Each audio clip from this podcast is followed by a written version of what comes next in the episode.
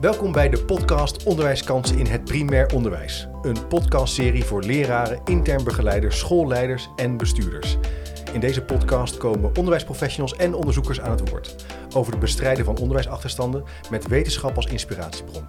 Het programma Onderwijskansen is een samenwerking van het Nationaal Regieorgaan Onderwijsonderzoek, de PO-raad, het ministerie van OCNW en verschillende onderwijs- en onderzoeksinstellingen. Voor meer informatie kijk op www.onderwijskansen.eu. Mijn naam is Chip de Jong. Leuk dat je luistert. Aan tafel zitten Hanke Korpershoek, adjunct hoogleraar onderwijswetenschappen aan de Rijksuniversiteit Groningen. Directeur van Gion Onderwijs en Onderzoek. Welkom. Ja, dankjewel Chip. Leuk dat je er bent. En uh, naast jou Niels Tiemessen, directeur van basisschool De Zonnewende. Een Daltonschool in Apeldoorn, onderdeel van de Veluwse Onderwijsgroep. Leuk dat je er bent. Dankjewel. Voor degene die nu denkt, Daltonschool, wat is dat ook alweer? Ben jij in staat om dat eens in een paar zinnen uit te leggen? Ja, wat, wat ik meestal aan ouders vertel, is eigenlijk uh, dat wij... Uh, Dalton is een van de vernieuwingsconcepten. Inmiddels al wel een lange tijd uh, in Nederland aanwezig. Maar het gaat er vooral om dat wij kinderen veel meer tot zelfstandigheid proberen aan te zetten. Ja. Tot samenwerking en reflectie. Of wat doe je nou eigenlijk? Kijk, interessant. We gaan het in deze ja. podcast hebben over de overgang tussen PO en VO tussen primair onderwijs en voortgezet onderwijs, ook wel de basisschool en de middelbare school. En waarom nu dit thema juist belangrijk is als het gaat om leerlingen met een onderwijsachterstand. En dan wil ik eigenlijk toch even starten met een belangrijke startvraag. Want waarom is de overgang tussen PO en VO een relevant thema in relatie tot het tegengaan van onderwijsachterstanden? Ja, om ook even het thema zeg maar, af te pellen. Hanke, hoe zouden we daarmee kunnen beginnen om dat eens even neer te zetten? Uh, ja, Chip, um, in de afgelopen twintig jaar is heel veel onderzoek uitgevoerd uh, naar de overgang tussen het basis- en het voortgezet onderwijs. Um, in Nederland, maar ook daarbuiten. Ja. Uh, en in heel veel van die onderzoeken zien we terug, en we horen dat natuurlijk ook van, van leraren, zien we terug dat bepaalde groepen leerlingen minder gunstig die overgang of die overstap kunnen maken. bijvoorbeeld totdat het onderwijs de manier waarop ze onderwijs krijgen niet goed aansluit bij wat leerlingen weten of wat leerlingen kennen. Uh, of dat er misschien uh, bepaalde leerkrachtverwachtingen zijn, uh, waardoor leerlingen een minder gunstige overstap maken. Ja. en we weten al wel heel veel over hoe we dat wat soepeler kunnen doen. Um, en daarom is dat een relevant thema, omdat die, die kennis die er is uit de onderwijspraktijk, maar ook uit literatuur, internationale literatuur, um, schoolteams heel erg kan helpen bij nou, het verbeteren van de warme overdracht tussen het basis- en het voortgezet onderwijs. Ja. Belangrijk thema dus, eh, Niels. En, en warme overdracht, uh, hoe, hoe heb jij daarmee te maken in jouw rol? Nou, bij ons op school is, ligt die taak van de warme overdracht zelf ligt heel erg bij de leerkrachten. Ja. En die hebben veel contact met de mentoren in het VO, eventueel met afdelingsleiders. Of tussen intern begeleiders uh, uh, aan onze schoolkant en zorgcoördinatoren op de VO-scholen. Ja. Uh, uh, en ik, uh, ik zit veel meer bij de adviesprocedure bijvoorbeeld. Ja, ja, ja. En wat maakt nou dat het belangrijk is, juist voor mensen in het PO, om hierover na te denken? Want daar gaan we echt nu op in deze podcast wat verder op in, hè? Nou, ik denk omdat er kansen liggen binnen het PO om nou ja, die, die advisering, het is eigenlijk de voorkant van het, de overgang naar het VO, kansrijker te maken. Ja. Um, en dat zit soms gewoon, denk ik, ook in het checken van een aantal aannames die we in het PO hebben. Ja. Uh, en dat we op die manier het kansrijker kunnen maken voor kinderen ja. om die overstap uh, door te gaan. Wat zijn dan typische aannames, uh, checken van aannames die we dan doen? Nou, neem bijvoorbeeld zoiets um, um, wat we wel eens zeggen tegen ouders in adviesgesprekken kan zijn. Nou ja, weet je, laten we wat lager inzetten. Hè, voor de zekerheid. En het kind heeft straks nog allerlei kansen om op te stromen. Ehm, maar ik ben er wel eens ingedoken. En het valt op dat er niet ja, dat het uh, nog wel eens dat je daar je vraagtekens bij kan zetten of die kansen er nou echt zo zijn uh, oh ja. om nog op te stromen. Oké, ken je dat als onderzoeker? Ja, dat klopt hoor. Um, er, er, zijn een heleboel uh, ja, veronderstellingen rondom de POVO-overgang, zowel aan de, aan de aanleverende kant van het basisonderwijs als aan de ontvangende kant van het voortgezet onderwijs.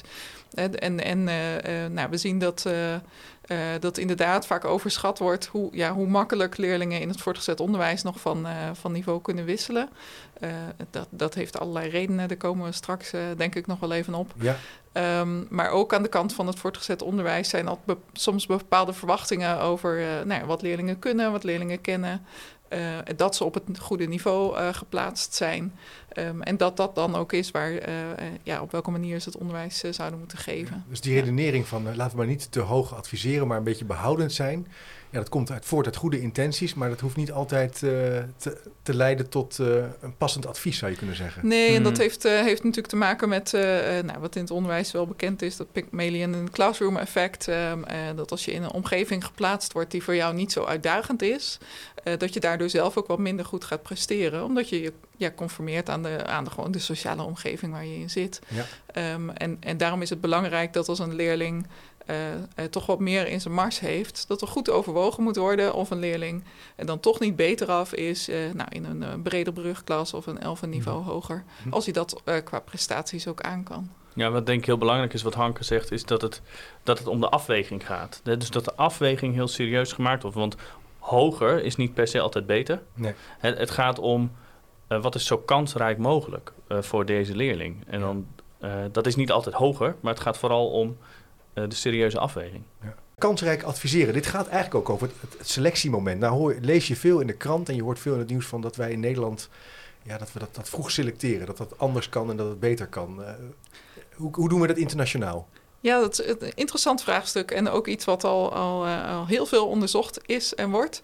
Um, uh, we hebben natuurlijk in de landen om ons heen uh, nou, een beetje vergelijkbare onderwijsstructuren en vergelijkbare selectiemomenten, maar ook zeker heel verschillende. In Duitsland wordt bijvoorbeeld al veel eerder een keuze gemaakt voor het voortgezet onderwijs. Die leerlingen zijn dan tien jaar. Hm. Um, in een aantal Scandinavische landen gebeurt, gebeurt dat eigenlijk veel later. Zitten leerlingen veel langer met allerlei verschillende niveaus bij elkaar. Um, en dat roept natuurlijk de discussie op welk systeem werkt nou beter. En, en dan wordt er over het algemeen gezegd, wat later selecteren is voor leerlingen die uh, thuis minder ondersteuning kunnen krijgen of uit een lager sociaal-economisch milieu komen, uh, vaak wat gunstiger.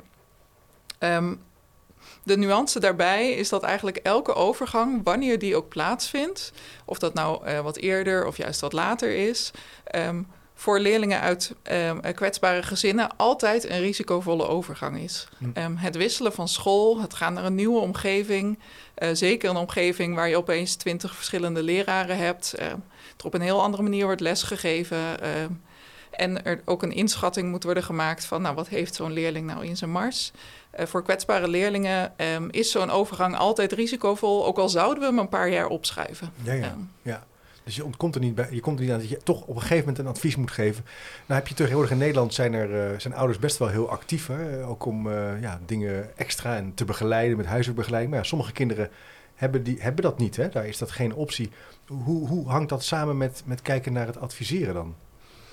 En volgens mij, maar dat moet, moet Hanke me ook maar corrigeren als dat niet klopt, is, is, is het in Nederland niet eens zozeer het moment van die selectie. Want ik, ik kan begrijpen wat jij zegt, van hè, welke kant je ook opschuift in leeftijd, dat die overgang blijft ergens.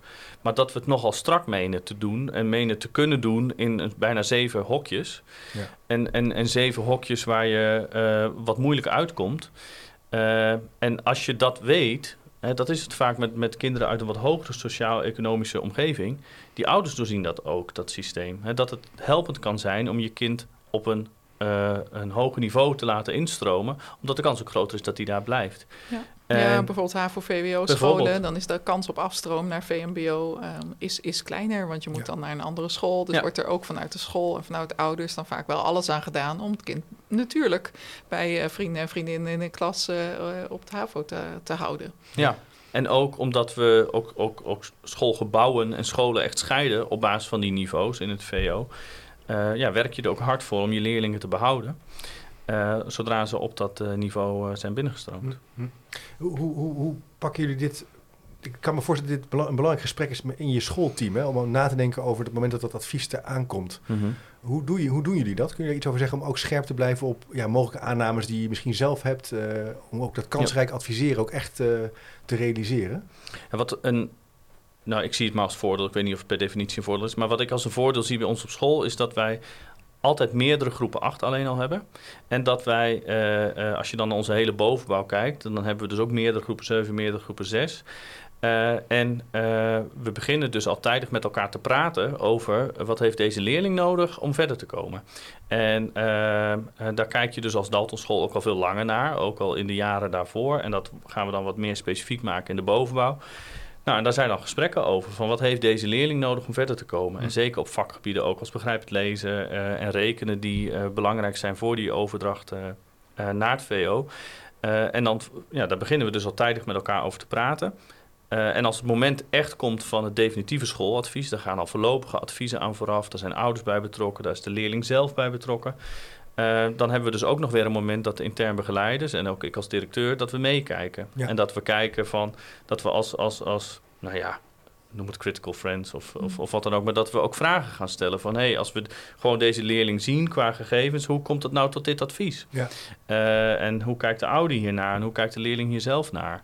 Ja, dat vind ik heel mooi om te horen, omdat eh, de betrokkenheid van ouders eh, niet op elke school even vanzelfsprekend is. Hè. Voor sommige ouders komt het Mhm. schooladvies wat ze dan eh, voor hun kind krijgen toch wel als een verrassing. En Ja. dat, dat zal voor, voor een aantal altijd zo blijven. Maar Mhm. Ehm, het betrekken van, eh, van ouders, maar ook de leerling zelf is denk ik heel sterk. Ehm, en ook ehm, eh, met een goede uitleg van wat dat advies eigenlijk betekent. Ja. Dat betekent niet hoe, hoe slim je bent of, of ehm, Nee. eh, dat het iets over jou als persoon zegt. Het, het zegt alleen maar, wij denken dat je op dat niveau eh, het meeste kan leren op een school. Precies. Want als je op een veel hoger niveau geplaatst wordt dan wat jij op dit moment.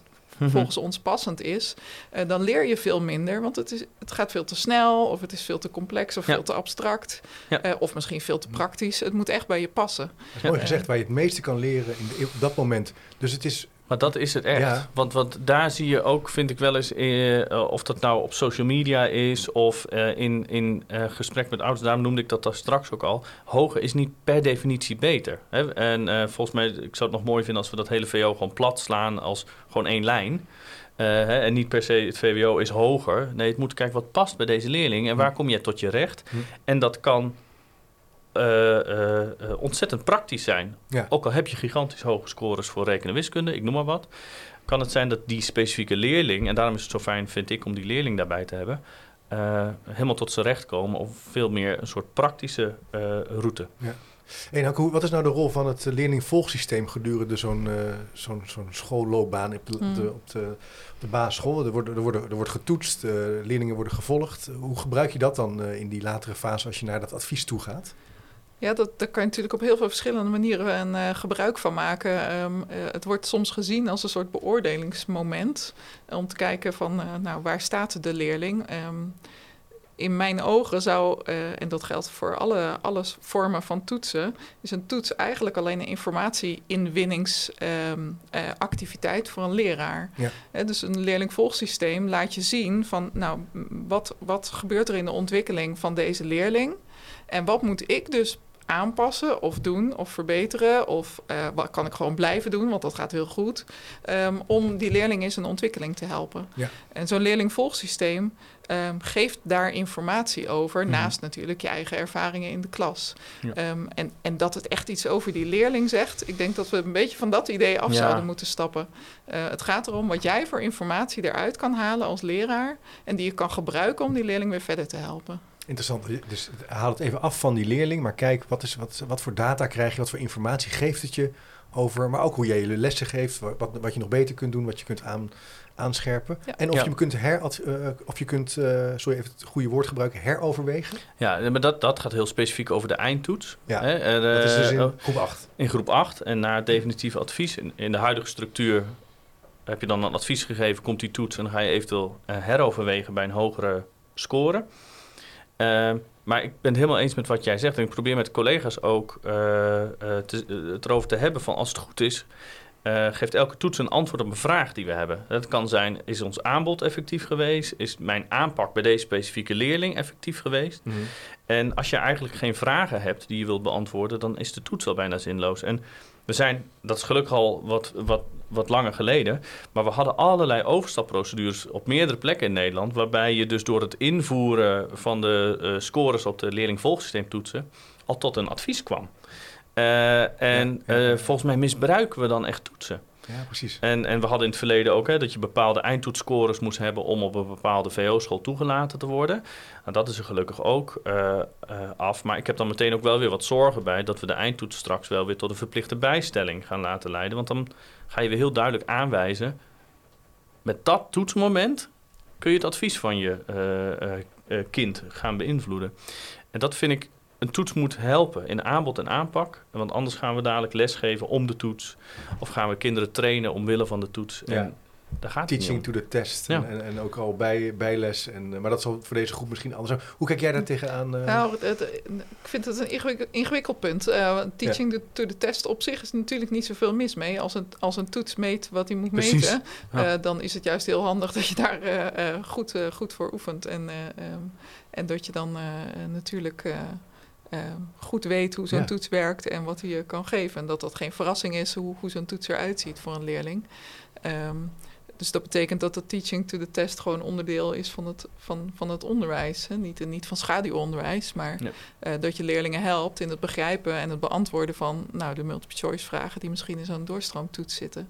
Eh, gewoon de type vraag. Ja. Ehm, wat soms met de eindtoetsen gebeurt, is dat mensen denken dat leerlingen daar per ongeluk hoger op kunnen scoren. Ehm, eh, en er is best wel wat af te dingen op hoe goed een, een eh, eindtoets kan voorspellen hoe iemand het later in zijn leven doet.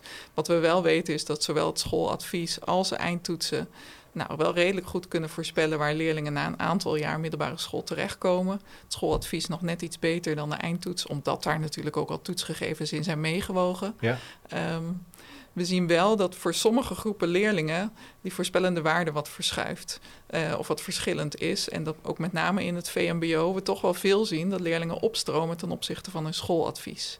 Ehm, als we dan kijken naar die eindtoets en die bijstellingen, ehm, ik ben het met je eens dat het niet alleen zou moeten gaan over wat een leerling cognitief gezien kan en laat zien op de toets. Ehm, maar per ongeluk hoger scoren, dat gebeurt eigenlijk niet. Dus dat betekent dat er blijkbaar iets anders is waarvan de leerkrachten denken, nou, dat kan deze leerling eh, misschien qua zelfstandigheid of qua motivatie niet aan om dat hogere niveau dan eh, Mhm. daadwerkelijk te gaan, eh, te gaan argument. volgen. Dat is een ander Ja, ja, argument. ja. Dat heeft dan niet, niet zozeer meer met die toets te maken. Dus je kan niet Nee. per ongeluk heel hoog scoren. Je kan wel per ongeluk misschien laag een keer een uitgeleider maken. Oh, absoluut, maar dat hebben wij ook in de adviesprocedure. Praten we daar met elkaar dus heel erg over. Van, hè, is nou op basis van deze ene score, eindgroep 6, zetten we nu lager in? Of, eh, of, of was er meer? Hè, dat- en ook inderdaad de voorspellende waarde van een lage score ten Hmm. opzichte van een hoge score. Maar waar ik denk ik ook nog meer op doel, want ik, ik snap wat je zegt. Hè, de- Hmm. Die leerling scoort niet zomaar eh, hoger op een eindtoets. Maar als je dus dat proces heel goed hebt gelopen met ouders en leerling... en gekomen bent tot advies X... hè, omdat we met z'n allen denken dat dat het meest passend is... en we gaan verplicht bijstellen... eh, dan weet ik niet wat, wat we daar dan eh, Mhm. direct mee eh, Ja, bereiken. Want dat kan al meegewogen zijn, namelijk. Hè? Want die eindtoets die meet rekenen, wiskunde en begrijpend lezen. En dat kan al meegewogen zijn in het Ja. schooladvies. Een andere vraag. Ik, was, ik heb recent een boek gelezen, Talen die de school inkomen, geschreven door Lidie Peters over hoe kinderen die een andere eerste taal spreken eigenlijk het basisschoolonderwijs inkomen. En toen dacht ik, ja, die, dat Nederlands onderwijssysteem is natuurlijk heel talig. Hè? Dus Mhm. de, begrijpen lezen is ontzettend belangrijk. Hoe, hoe, eh, achterstand kan ook te maken hebben met taalbeheersing. Ja. Hoe kijken jullie daar tegenaan als het gaat over kansrijk adviseren? Hoe, het lijkt me best een ingewikkelde puzzel namelijk. Ja, dat is een hele ingewikkelde puzzel. Want ehm, eh, ondanks dat we kunnen vinden dat, ehm, dat een leerling uiteindelijk ehm, en misschien in zijn moedertaal eh, wel een hoger niveau zou aankunnen in het Nederlandse onderwijssysteem, is het natuurlijk Nederlandstalig eh, voortgezet onderwijs. En, en dat betekent dat je natuurlijk alle vakken die je, die je volgt, eh, ehm, eh, Ja. ja. toch in het Nederlands zal, eh, zal moeten eh, Ja. kunnen volgen en begrijpen en de begrippen die daarin voorkomen. Ehm, en dat is, dat is dan toch wel vaak de reden om te zeggen, nou, het begrijpend lezen is toch een kernvaardigheid. En op basis daarvan eh, kunnen we echt best goed voorspellen eh, welk eindexamenniveau iemand uiteindelijk eh, ehm, eh, kan behalen. Ja. Ehm, dat wil niet zeggen dat zo'n leerling uiteindelijk niet op een hoger niveau zou kunnen functioneren als dat beter past bij, bij die leerling. Ehm, maar eh, bij het, eh, nou, het plaatsen in het voortgezet onderwijs Ja. is het. Nou, ondanks alle redenen waarom je het anders zou kunnen, kunnen willen zien, eh, ideologisch Nee. gezien, eh, wel verstandig om dat begrijpend lezen niveau wel ehm, eh, sterk mee te laten wegen in, in de advisering. En dat gebeurt ook. eh. Ehm, er is een tijdje geweest dat leerlingen met, uit gezinnen met een migratieachtergrond eh onder geadviseerd werden. Ehm, nou, dat, dat schoot op een gegeven moment juist de andere kant op. Hè. Er was een juist meer overadvisering. Ik denk dat we nu met z'n allen wel meer scherp hebben van... Nou, wat, wat, wat is nu een goed passend advies voor leerlingen die cognitief gezien misschien een hoger niveau aan zouden kunnen, maar uh, qua taalvaardigheid in het Nederlands uh, misschien anders. Dus in die zin is, als we het over onderwijsachterstanden hebben, um, is het opleidingsniveau van de ouders, thuissituatie van ouders echt ve vele malen belangrijker in, in die overstap um, dan al dan niet een migratieachtergrond. Ja. Interessant. En je zei net al iets, Niels, over over hoe jullie in het teams eigenlijk kritisch met elkaar nadenken over dat, dat, advies en dat kansrijk adviseren als, als, als luisteraars. Hoe, wat, wat, voor tips heb je voor luisteraars als ze nu hiermee aan de slag gaan? Waar, waar letten jullie echt heel kritisch op? Of waar besteed je aan? Wat ik heel belangrijk vind als, als directeur, want ik ben ook leidinggevende van die uh, groepsleerkrachten, is dat ze er niet alleen voor staan. En um, um, omdat uh, wat leerkrachten in het PO, want daar heb ik vooral natuurlijk mee te maken. En ik geloof direct dat docenten in het VO dat ook hebben. Maar ik werk vooral met leerkrachten in het PO. Die willen niks liever dan zoveel mogelijk kansen voor hun kinderen. Hè, voor hun leerlingen. En het raakt leraren vaak ook direct als ze dan bijvoorbeeld horen van... Hè, we geven lagere adviezen aan kinderen uit sociaal kansarmere uh, milieus. Want dan heeft de leerkracht zo'n gevoel van... ja, maar ik ga echt niet in mijn klas kijken van joh, Jantje of Pietje, die heeft het wat moeilijker thuis. En die geef ik een lager advies. Hè. Dat zijn vaak landelijke data, denk ik, hè, waar jij je ook uh, uh, op baseert. Terwijl die leerkracht zelf, die wil het allerbeste voor zijn hele klas. Hmm. En um, um, wat ik dan als tip zou willen meegeven is van doe het, hoe groot of klein je school ook is, maar doe het echt met een team. Ja. En ga er echt met elkaar naar kijken. En benut ook al die ervaringen van die leerkrachten uit groep 7, uit, van die leerkrachten uit groep 6 benut die leerling als zo vroeg mogelijk als bron van informatie ook over hoe leert hij nou het liefst? we hebben heel veel kindgesprekken op school waarin we praten echt over de persoonlijke leerdoelen van het kind. Hoe wil hij leren? Waar wordt hij blij van? Wat zijn vakken die hij interessant vindt? Dat de ouder dat hoort, dat, de, dat, dat de leerkracht het ook hoort en dat je ook met elkaar over de leerling praat waar de leerling bij is. Uh, en uh, ja, voor ons moet dat geluk van het kind centraal staan. En, uh, het is interessant wat je zegt. Echt zeg je van, kijk ook breder naar het kind. Wat, wat zijn hobby's? Wat vinden ze de moeite waard? Waar beleven ze plezier aan? Hoe hangt dat samen met hoe ze presteren? Met hoe ze zich gedragen in de klas? En dat eigenlijk, je probeert zo rijk mogelijk beeld eigenlijk te verzamelen. En ja. doe dat niet alleen, maar probeer dat met elkaar te doen. Ja. En daarin ook die ja, ook thuissituatie mee te nemen, uh, taalontwikkeling. Ja. Dan kan je eigenlijk steeds, steeds En die thuissituatie ook, ook niet als belemmering meewegen. Hè, om te zeggen van nou dan gaan we bijvoorbeeld wat meer behoudend uh, adviseren. Maar neem dat we bijvoorbeeld weer mee naar je warme overdracht. Hè. Stel, ik heb wel eens voorbeelden gehoord van dat, dat dan in gezinnen er bijvoorbeeld weinig mogelijkheid is. Hè, dat valt je dan al op in het PO. Om thuis op een rustige plek huiswerk te maken. Ja. Uh, terwijl die leerling echt wel dat nodig heeft. Nou, geef dat mee als uh, advies aan het VO in de warme overdracht van... Goh, de, voor deze leerling is het heel erg helpend als hij op school zijn huiswerk mag maken op een rustige plek. Want thuis is die gelegenheid er niet. Ik noem maar iets. Mooi. Ja, en, maar ook meegeven aan de middelbare school. Meegeven aan de, en dan komen we eigenlijk op een volgend punt, mm -hmm. de warme overdracht. Hè? Ja. Mm -hmm. uh, dat, dat de, daar heb ik allerlei beelden bij. Dus dat, dat, dat, Zo'n magische term. Een soort magische term bijna, hè, toch? Ja, ja, ja. de warme overdracht. Ja, het, het, uh, het is heel belangrijk, denk ik, om als schoolteam te praten over wat we daarmee bedoelen en, en welke positie kansrijk adviseren en onderwijskansen daar nou in heeft. Ja. En uh, net was wat Niels zegt, um, gebruik de informatie die je hebt over de, de thuissituatie van de leerling en, en de, persoon, de, de persoon achter de leerling. Um, om in dat laatste jaar van, van de basisschool en, en, en ook na uh, het afgeven van schooladviezen nog te kijken hoe je leerlingen zo goed mogelijk kan voorbereiden op wat er daarna gaat gebeuren. Hm. Uh, misschien zijn ouders zelf nooit naar een middelbare school geweest. Um, misschien uh, um, zijn er ouders die niet met een agenda werken thuis.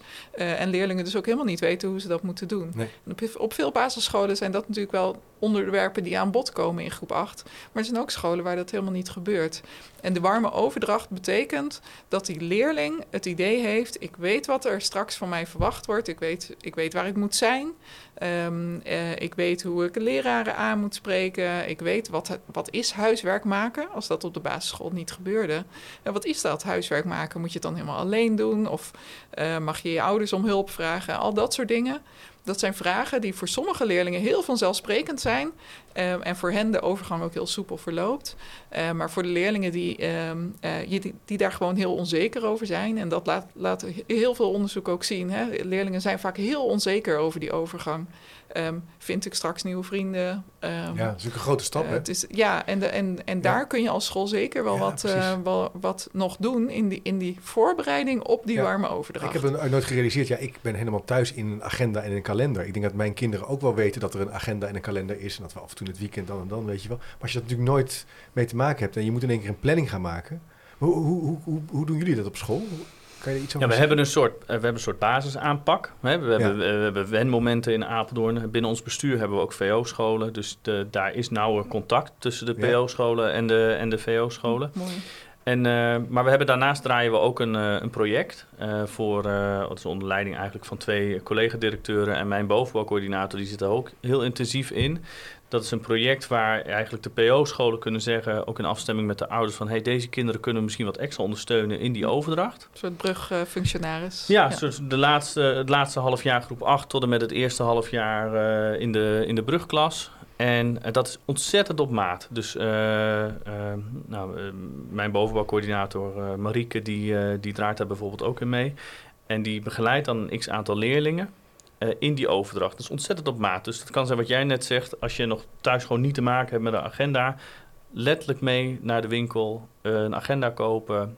Hoe gebruik je die? het kan zijn um, de fietsroute al een paar keer doen. Hè. We horen ouders bij ons mm. op school, is het dan best wel gebruikelijk dat ouders dat alles een paar keer oefenen ja. voor de zomer. Van hey, hoe fiets je dan eigenlijk? Ja. En nou, wat zijn een paar gevaarlijke punten misschien in de stad waar je moet oversteken? Maar het kan ook zijn dat we dat vanuit het project ondersteunen. Uh, het zijn nog een aantal keer gesprekken eerst op de basisschool over die overgang. Mm. En lukt het allemaal? Vind je het spannend? Uh, nou, de, die kant. En dan na de zomervakantie komt dus die begeleider ook letterlijk naar de VO-school toe. Uh, om ook daar te praten met de leerling, met de mentor en te kijken van wat kunnen we nog doen. En, maar het kan ook heel praktisch een reminder zijn van hey, morgen, hoe was je vakantie? Mm -hmm. En ga je morgen wel je boeken ophalen? Ja, en, ja. Mooi. Ja, en ja. Dat, hoeft, dat hoeft ook gewoon niet voor alle leerlingen. Nee, zeker niet. Uh, nee. Het is echt een op maat aanpak voor, voor de leerlingen die je op die manier uh, kansrijk, niet alleen een kansrijk advies geeft, ja. maar uh, ook ja, gewoon kansrijker voorbereidt op dat, dat ze het ook daadwerkelijk goed doen. Hoe, hoe wordt los van dit, een beetje bijna het relationele aspect van de overgang, ook, worden er ook, wordt de voortgang ook gemonitord tussen PO en VO? Kan je er iets over zeggen? Nou, er, er Wat gebeurt we, wel ja, niet? daar hebben we jaren geleden al wel voor gepleit, omdat we er op een gegeven moment achter kwamen dat, um, uh, dat er nog in het basisonderwijs uh, weinig terugkoppeling was van uh, waar komen leerlingen eigenlijk terecht um, als we ze eenmaal een schooladvies hebben gegeven. Hm. Um, nou, toen ik zelf op de uh, middelbare school zat, was het gebruikelijk dat je in jaar één, uh, als je je eerste rapport kreeg, nog naar uh, ja. je groep 8 leerkrachten terugging ging ja. om te laten zien van, nou, dit is mijn eerste rapport. Gebeurt nog um, wel hoor. Dat, ja. misschien gebeurt het inderdaad nog wel, maar, um, maar als, als schoolteam is het natuurlijk heel informatief als je over een aantal jaren heen kan zien van, nou, waar zijn onze leerlingen uiteindelijk allemaal terechtgekomen en wat, wat hadden wij toen geadviseerd. En daar zitten ook heel veel ingewikkelde privacy vraagstukken bij. Maar um, zolang het niet over individuele leerlingen gaat, kan je natuurlijk wel, um, uh, zeker op wat grotere scholen, terugkoppeling vragen van, uh, uh, nou, waar, waar zijn, hoeveel adviezen hebben in welke niveaus geresulteerd, zeg maar. En dat, en dat soort informatie, dat helpt je heel erg om te zien van, nou, zit, zijn wij nou inderdaad een beetje voorzichtig, ja. vergeleken ja. met andere basisscholen in de regio. Uh, dus Geef je een soort spiegel, een soort ja, reflectiemoment. Dat, ja, ja, ja, ja. En, en, en aan de andere kant uh, geldt voor het voortgezet onderwijs ook een, een vergelijkbaar vraagstuk. Um, als wij uh, onderbouwcoördinatoren uh, in het voortgezet onderwijs spreken, dan zeggen ze ja, ja van, die, van die school die, die zijn altijd wat voorzichtig met de adviezen. En van die school die zijn altijd wat te hoog. Ja. Um, en denk ja, dat moet je niet tegen mij zeggen. Nee, ga, ga, ga, ga in gesprek met die, met, met die basisscholen in, je, in jullie omgeving. En ja. in, inderdaad in de gemixte schoolbesturen waar Niels ook in zit, waar zowel PO als VO scholen onder hetzelfde koepel vallen, is dat natuurlijk wel makkelijker. Echt die verbindingen organiseren. Ja, ik herken het ook. was recent bij een middelbare school. Die zeiden, ja, bij deze school is het rekenen altijd een beetje lastig. Dus Mm, altijd, mm. nou, probeer dat, hè, probeer hè, die brugfunctionaris hè, te, Mm. te faciliteren, zodat je die uitwisseling kan, uh, kan uh, verzorgen. Interessant. Nou, als ik nog even één keer uh, zou mogen terugkomen op het punt van dat schooladvies. Nou zijn er ouders, weet ik ook uit eigen ervaring, daar wordt nog wel eens geoefend. Daar is meer ondersteuning thuis. En er zijn sommige kinderen die er toch zelf voor staan. En misschien gelijk uh, het doen in het leerlingvolgsysteem of in de toets. Hoe kijk jij daar nou naar? Wat is, ik wil niet zeggen wat is beter, maar ja, dus um, kijk, het, het schooladvies, uh, dat, dat uh, geven we natuurlijk op het moment um, uh, dat we van de leerling een reden goed beeld hebben van wat, wat de leerprestaties van de leerling op dat moment zijn. Begrijp het lezen, rekenen enzovoort. Um, en wat we soms, denk ik, wel eens vergeten, is dat als een leerling in zijn thuissituatie weinig ondersteuning heeft gekregen bij het leren en toch datzelfde niveau heeft bereikt uh, als een andere leerling die thuis heel veel hulp heeft gekregen, um, dan is natuurlijk de vraag of je dan op het moment dat het schooladvies gegeven wordt en de eindtoets uh, hoger is uitgevallen dan het schooladvies, dan kan je je afvragen waarom zou ik deze leerling nou niet die heroverweging, dat hogere niveau meegeven? Want die leerling heeft immers laten zien dat hij ook zonder al die ondersteuning um, uh, dat, dat niveau heeft weten te bereiken. Um, en en nou, dan komen we eigenlijk weer terug op het punt van, uh, ja, kijk nou naar die individuele leerling. Ja, um, wat past nu het beste uh, bij deze leerling? Um, maar je hoeft ze niet twee keer de thuissituatie mee te wegen. Eén keer is meer dan voldoende. We zijn aan het slot gekomen van de podcast. Wat opvallend is, ik heb het belletje niet hoeven te gebruiken. Dat betekent eigenlijk dat jullie hele klare taal spreken voor de luisteraar die de podcast volgt. Soms wil ik nog eens op een belletje drukken als ik bepaalde woorden niet begrijp. Want dan vaak te onderzoeken om dat toe te lichten. Maar dat is nog niet gebeurd. um, het blijft een hele mooie en spannende stap. Hè. Je gaat van de basisschool naar de middelbare school. Uh, het is ook een kans om opnieuw te beginnen. En tegelijkertijd houden jullie ook een stevig pleidooi voor een warme overdracht. Waarin je ook met name leerlingen die wat meer risico hebben op achterstand, echt uh, ja, een sterke start kunt geven. Het is een beetje een paradox, denk ik. Uh, ja, dat klopt hoor. Um, uh, in, de, in de overdracht van dat basis naar het voortgezet onderwijs is het natuurlijk heel belangrijk dat je voor leerlingen die echt bepaalde ondersteuning nodig hebben, uh, of waar je iets belangrijks over wil meegeven, van, van de thuis- of de leersituatie, samen met de ouders dat ook overlegt, ja. waar een leerkracht in het voortgezet onderwijs of een leraar dan, dan ook echt iets mee kan. Um, maar het kan voor leerlingen soms ook inderdaad juist ook goed zijn om niet te veel van de basis school eh, nog mee te hoeven nemen. Bijvoorbeeld als een leerling geen goede werkhouding had in groep 8. Um, ehm, en naar de middelbare school gaat en een nieuwe mentor denkt... oh ja, dat is die leerling, want die, die heeft geen goede werkhouding. dan kan dat ook juist heel erg ehm, bevestigen... Wat, wat misschien de leerling zelf ook wel achter zich had willen laten. Mm. dus het is altijd heel goed om samen met de leerling en de ouders... Um, te bespreken welke informatie vinden wij nou gezamenlijk belangrijk... om mee te geven aan de middelbare school. Maar, maar daar zit inderdaad een beetje een paradox. wel wat nuancering, maar dat maakt het vak zo interessant, hè, Niels? Dat, je, dat, het, dat het altijd zoeken is naar de beste weg en de, de beste verbinding. Ja, en ik denk dat, dat voor de warme overdracht naar het VO hetzelfde geldt als voor de warme overdracht binnen het PO, hè, van groep 3 naar groep 4 als van groep 6 naar groep 7, is wat is relevante informatie om de leerling tot leren te brengen. Ja. En, en daar zie je denk ik, wat jij probeert aan te stippen ook, uh, is uh, dat het een beetje lijkt te schuren. Maar uh, het gaat om de informatie die ertoe doet om tot leren te komen. En niet zozeer van, ja, dat is het broertje van. Hè? En, uh, en zijn broer die ken je, die was ook erg druk. Dat is niet zo relevant. Ja. Het is relevant, hoe komt hij tot leren? Heel interessant. Bedankt voor jullie tijd. Leuk om hier uh, met jullie over van hm. gedachten te wisselen. Het, het, beeld van bruggen bouwen, hè, verbindingen leggen, blijft, blijft bij mij wel uh, een beetje als beeld uh, opstaan. Hè, tussen drie en vier, tussen de basisschool en de middelbare school. Tussen ja, sturingsinformatie, toetsen, het leerlingvolgsysteem, je eigen vak.